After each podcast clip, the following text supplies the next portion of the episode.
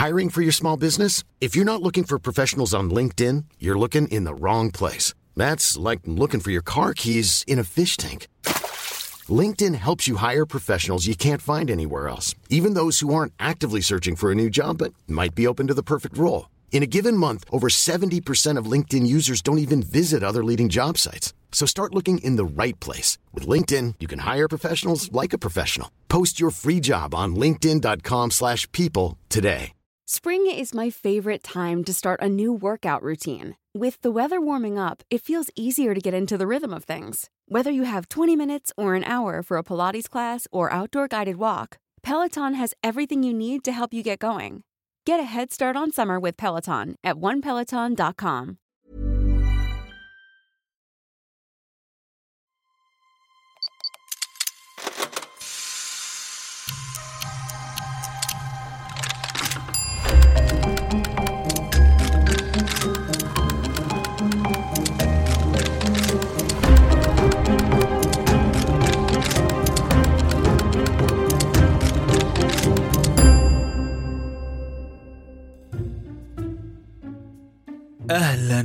وسهلا بالمستمع الجميل تاني في بودكاست علمي جدا في موسمه التاني المليء بالإثارة والمغامرة.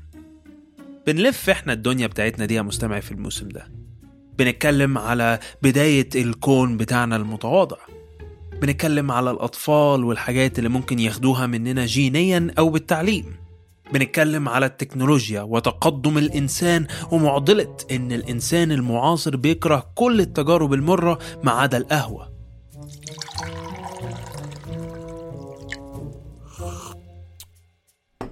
وحتى خدنا مع بعضنا رحلة من كوكبنا الأزرق الجميل للقمر الأجمل اللي بيطل علينا كل ليلة بس بمناسبة القمر عمرك سمعت عن The Man in the Moon يا مستمعي؟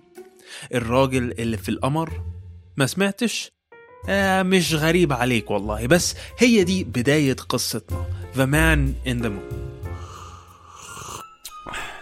عايزك بقى تاخد معايا كده بق قهوة في اللحظة دي وتستعد نفسيا لأننا نخوض تجربة علمية عميقة في الحلقة دي. قهوة سخنة نار سخنة نار لا تصلح للشرب.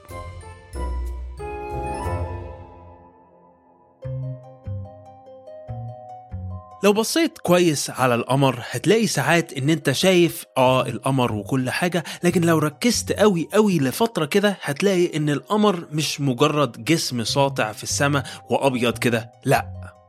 لو ركزت هتلاقي مناطق سودة على سطح القمر الأبيض الجميل.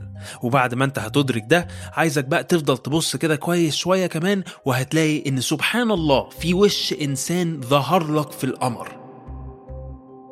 هتلاقي إن التباين أو الكونتراست ما بين المناطق السوداء مع المناطق البيضاء بيخلق صورة وش إنسان. ده يا مستمعي اسمه The Man in the Moon أو الراجل اللي في القمر ومش حاجة جديدة على الإطلاق.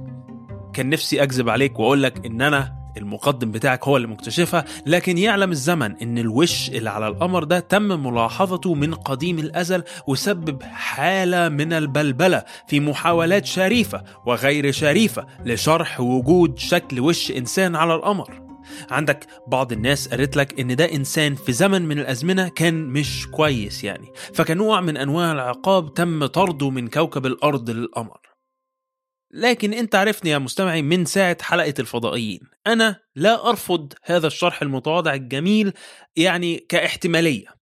بس إيه رأيك كده؟ نسيب النظريات المطروحة من القرون السابقة من ناس أصلا كانوا بيولعوا في الستات لأنهم ستات وخليني بقى أكلمك بالعلم. نسيبنا بقى من نظريات المؤامرة ونتكلم بالدليل. طيب خليني كده أقول لك يا مستمع الجميل في الأول إن القمر أصلا لونه مش أبيض على قد ما هو رمادي. الحجر اللي القمر متكون منه فيه عناصر كيميائية عديدة وعبارة عن مزيج من الألومنيوم، الأكسجين، الكالسيوم وشوية عناصر أخرى لما بيتجمعوا مع بعض بيعملوا اللون الرمادي الأصلي بتاع القمر. مش مصدقني مش كده؟ اخص اخص عليك يا مستمعي سيب القهوة أو سندوتش الشاورما اللي في إيدك ده وروح اتفرج على فيديوهات الصعود للقمر وهتلاقي إن سطح القمر مش أبيض. وكالة ناسا الله يمسيها بالخير حتى عندها صور من العينات اللي تم أخذها من القمر وهتلاقي إن لونها رمادي مش أبيض. فخلاصة الكلام كده إن القمر رمادي. مع كميات الضوء اللي بتنعكس عليه عشان نشوفه بالليل ممكن يبان أبيض وحتى أصفر في بعض الأحيان لكن لونه الحقيقي الأصلي قبل التلوث البصري وفتي الإنسان هو رمادي بس ده لا يمنع إن في مناطق سودة بالفعل في القمر طيب دي إيه؟ يعني إيه اللي حصل عشان سطح القمر ما يبقاش كله رمادي؟ سؤال عميق يا مستمعي منك وعايزك بقى تسيب لي نفسك خالص وتخلي مقدمك يقولك اللي فيها واللي عليها. دلوقتي زمان في بداية مسيرته الفنية القمر كان فعلا كله رمادي. سطحه جميل ومستوي نسبيا بس زي حياتك العاطفية الحال عمره ما بيفضل على حاله. وده كان مجرد الهدوء ما قبل العاصفة. وعاصفة هنا في إطار الحلقة مش تعبير مجازي يا مستمعي بس عواصف حقيقية. قد تتخيل لسبب ما إن الفضاء خالي من العواصف لكن الفضاء مليان عواصف نيزكية أو meteor showers.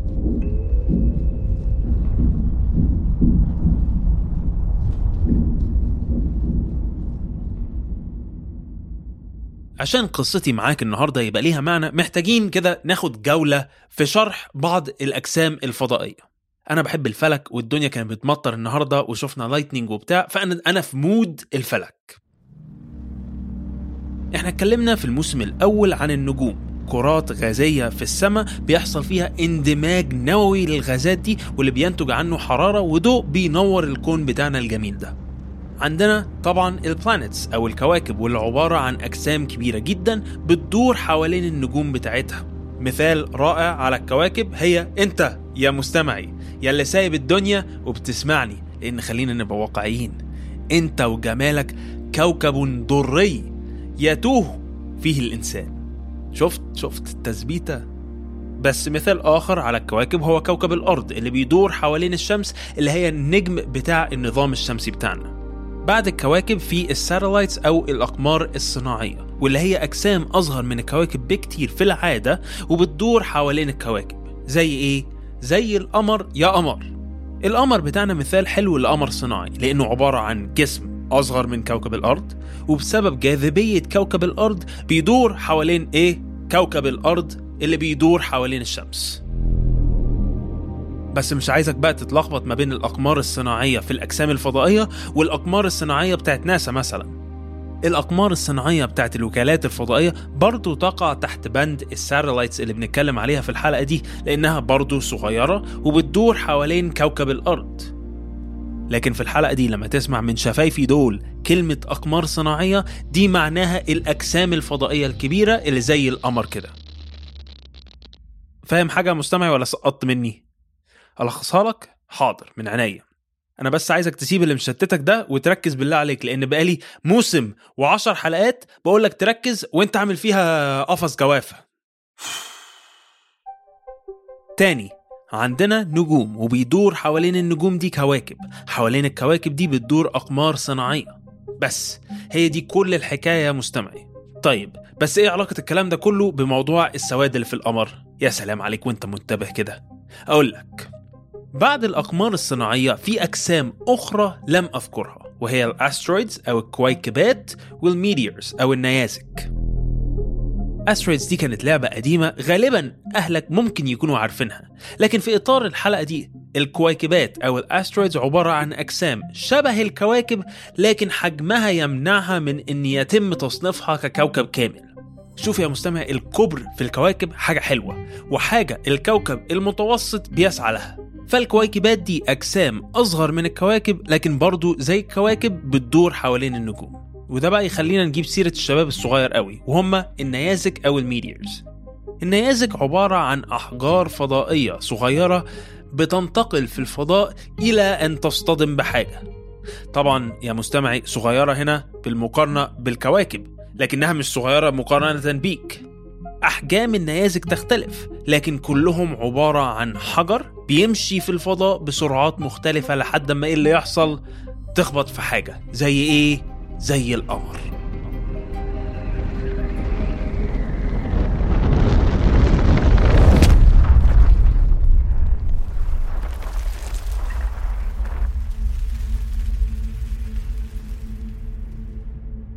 الصوت اللي انت لسه سامعه ده يا مستمعي هو صوت حجر اترمى على الأرض. وأنا بقى مش عايزك تقعد تفكر في إن لما النيازك بتخبط في القمر مثلا الموضوع بيكون عامل زي كده. أنا قلت آه أحجار صغيرة لكن في الفضاء الأحجام تختلف. ولما نيزك بيخبط في كوكب التأثير بيبقى مختلف برضه عن لما المقدم يرمي شوية حجر على الأرض. ليه؟ لأن الفرق في ال kinetic energy أو الطاقة الحركية مهول. الكينيتيك إنرجي أو الطاقة الحركية هي الطاقة اللي بتكون في الأجسام نتيجة لكتلة الجسم وسرعة الجسم. من غير ما ندخل في معادلات وعك كل ما الجسم كتلته وسرعته زادوا كل ما طاقته الحركية بتزيد. السرعة ليها تأثير أكبر على الطاقة من الكتلة. وطاقة أكتر معناها إنك هتشوف تأثير أكبر نتيجة للاصطدام. وهنا أحب أعطي مثال يوضح لنا أهمية الطاقة الحركية في ديناميكية الاصطدام. والمثال ده تم التأكيد عليه من دكتور شاطر جدا من جامعة ألبرتا في كندا. ساعدني في الجزء ده. فلنتخيل إن عندنا عم سيد بتاع الموسم اللي فات واقف على الأرض. عم سيد راجل عجوز متبرع بجسمه للبودكاست لمساعدة المستمعين في فهم العلوم المختلفة. ولنتخيل إن عندنا طفل وليكن اسمه يوسف والراجل وليكن اسمه رامي. يوسف عنده أربع سنين ووزنه ما شاء ربي لسه صغنن حوالي 12 كيلو. ورامي ما شاء الله راجل كبير شغال في شركة وزنه 75 كيلو جرام وقلنا لكل واحد فيهم من يوسف ومن رامي إنهم يجروا بأقصى سرعة ويخبطوا عم سيد. متخيل يا مستمعي؟ راجل وطفل كل واحد فيهم بيجري بأقصى سرعة وبيخبطوا بكل قوة في عم سيد. إيه اللي هيحصل؟ يوسف الصغير هيخبط ومش هيحصل حاجة لعم سيد. احتمال عم سيد كده بجماله يضحك شوية ويبتسم بس خلاص. إنما رامي بالسرعة بتاعته وبوزنه.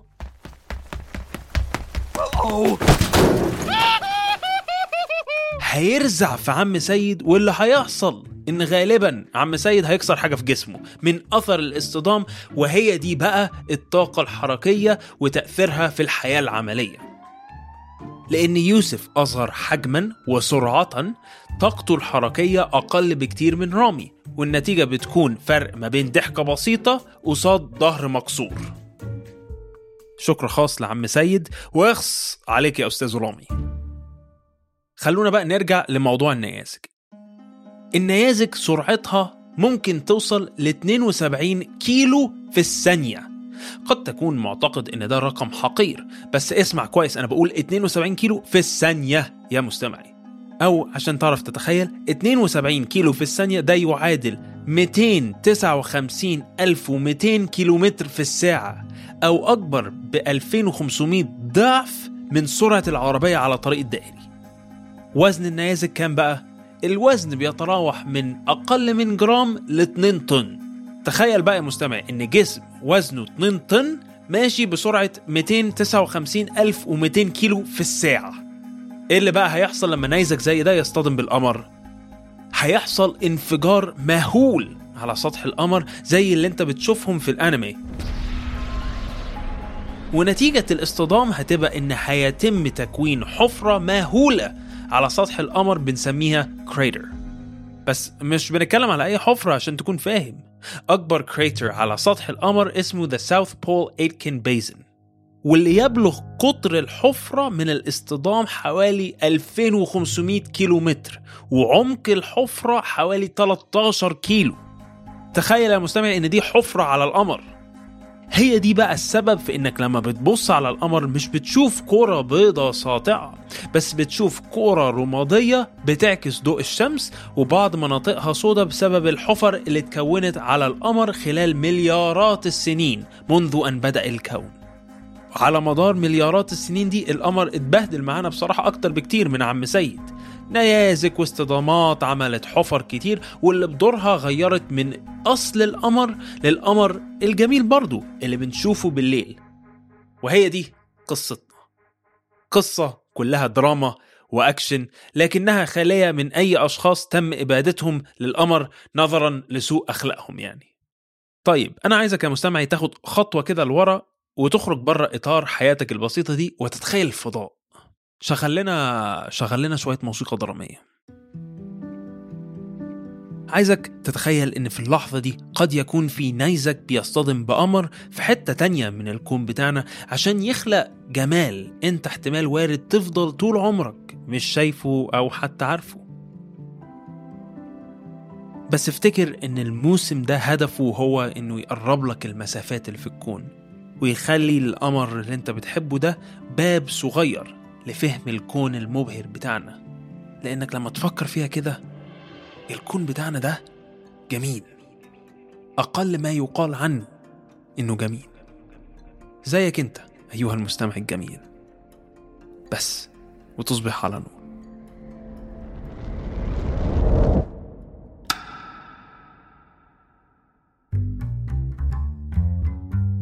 هذه الحلقة اصطدمت بالكثير بسبب المقدم صاحب الطاقة الحركية الأكبر في البلاد تدقيق الحقائق الفلكية الرائعة من دينا صبري تصميم أصوات النيازك اللي أخدتنا من بيوتنا للفضاء من يوسف دوازو وتصميم جرافيكي أحمد منصور وإشراف تحريري على الحلقة الرائدة هبة عفيفي. وهي عامة يعني هي مش رائدة فضاء بس يلا مش مهم. بودكاست علمي جدا. الموسم الثاني من إنتاج شبكة كرنين كولتشرز